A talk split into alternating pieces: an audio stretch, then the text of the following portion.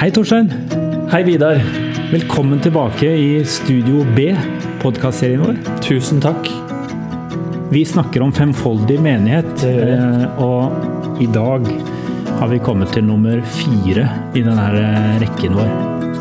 Og den har vi kalt for omsorgsfull hyrde. Er det en eh, funksjon som på en måte du har et veldig fortrolig forhold til? Jeg har lyst til å ha et fortrolig forhold til de som kjenner på den utrustningen sjøl.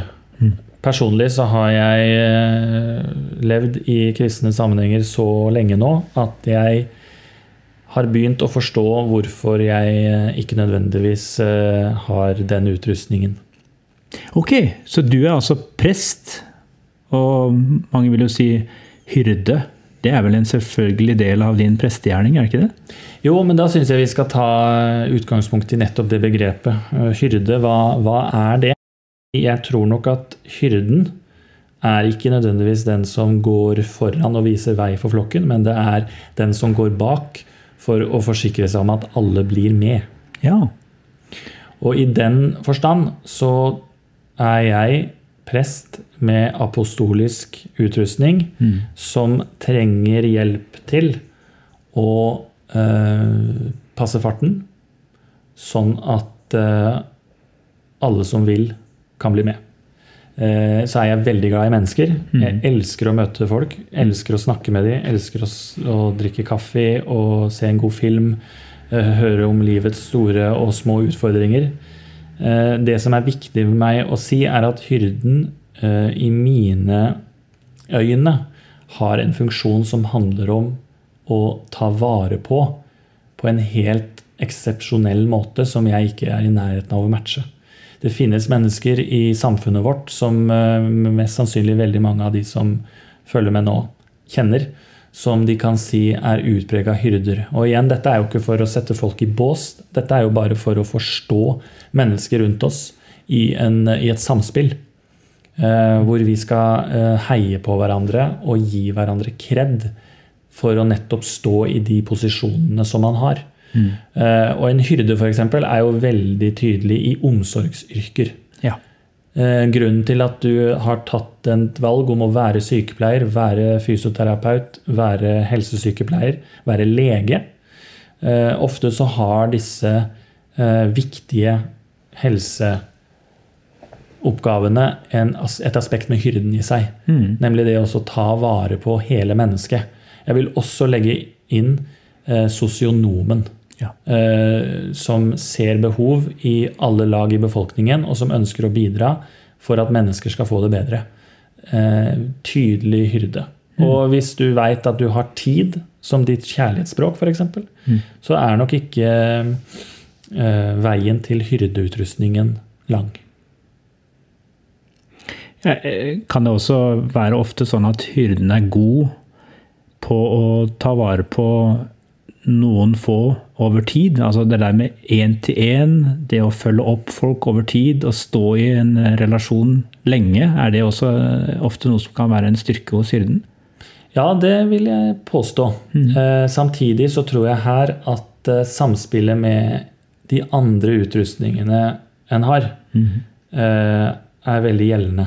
Ja. For hvis du har et ønske om å stå med noen over tid, så har du kanskje også en, eh, kanskje en evangeliseringsgave eller en eh, apostolisk gave som nummer to. Fordi at du ser at dette har en hensikt. Dette har et, eh, eh, en, eh, en verdi Ja. utover det å bare møtes. Mm. Jeg tror nok, hvis jeg skal være ærlig, så tror jeg nok at en utprega hyrde, en ganske sterk hyrde, vil ta inn over seg veldig mange behov på veldig kort tid. Eh, Og kanskje kjenne at man blir sliten av det. Mm. I denne bydelen er det så mange behov, og jeg vet ikke hvor jeg skal begynne. Og hvis man da begynner å legge dette fram for noen man kjenner, kanskje i en smågruppe, så kan man oppleve at eh, der er det ikke tid eller kapasitet til å ta inn disse aspektene. Fordi flere sitter med sine egne utfordringer som de ønsker å legge fram for gruppa. Um, og da er det viktig å kunne si at eh, som en apostel, da, så vil jeg være ganske frimodig med å si at eh, det er veldig naturlig at du kjenner på omsorg og nestekjærlighet overfor alle. eh, På den måten at du ønsker at alle skal bli med. Du ønsker at alle skal bli hørt. Du ønsker at alle skal bli sett.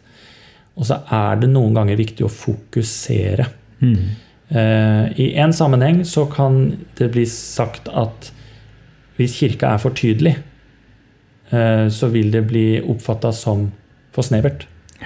Og der tror jeg hyrden kan være den stemmen som sier at dette er jo ikke mangfoldig nok, eller dette er jo ikke Inkluderende. nok, eller dette er ikke inkluderende nok. Mm. Det dere mener om at eh, Jesus er viktig, det vil i noen sammenhenger bli oppfatta som for snevert for ens eget trosuttrykk. Da.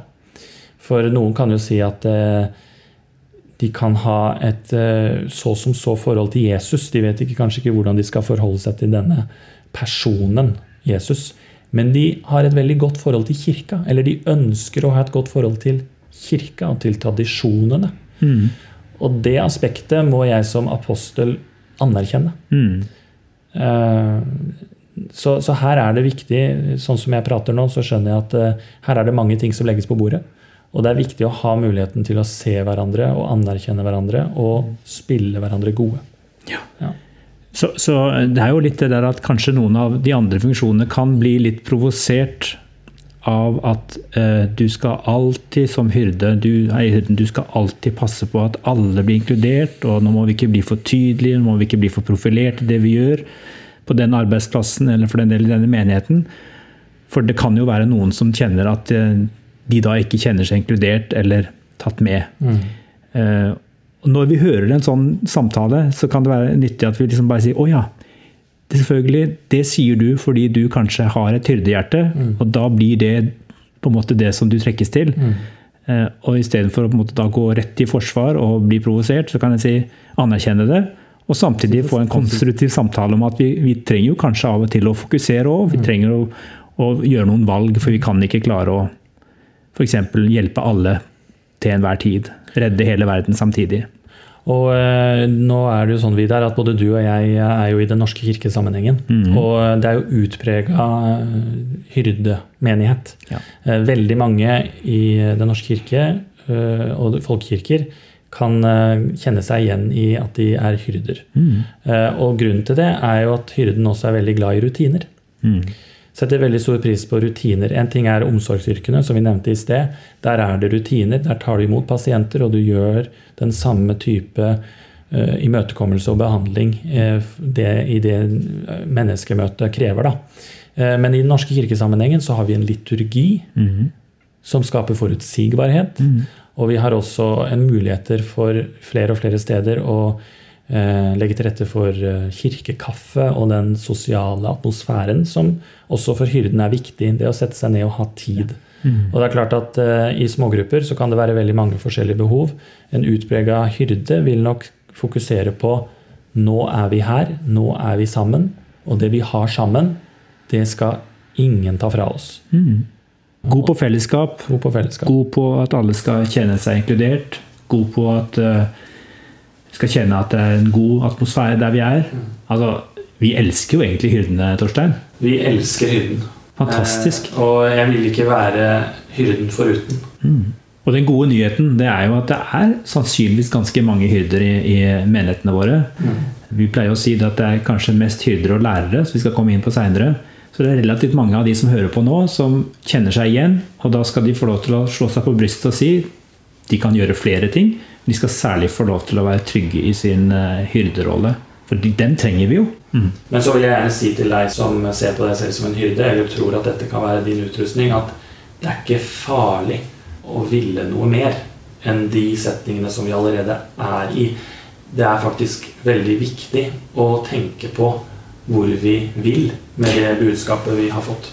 Og Da nærmer vi oss en avslutning, men jeg har lyst til å bare si også at det er interessant at en moden hyrde, sannsynligvis, en som er en hyrde etter Jesu hjerte, har jo lært seg også å ta noen valg og fokusere.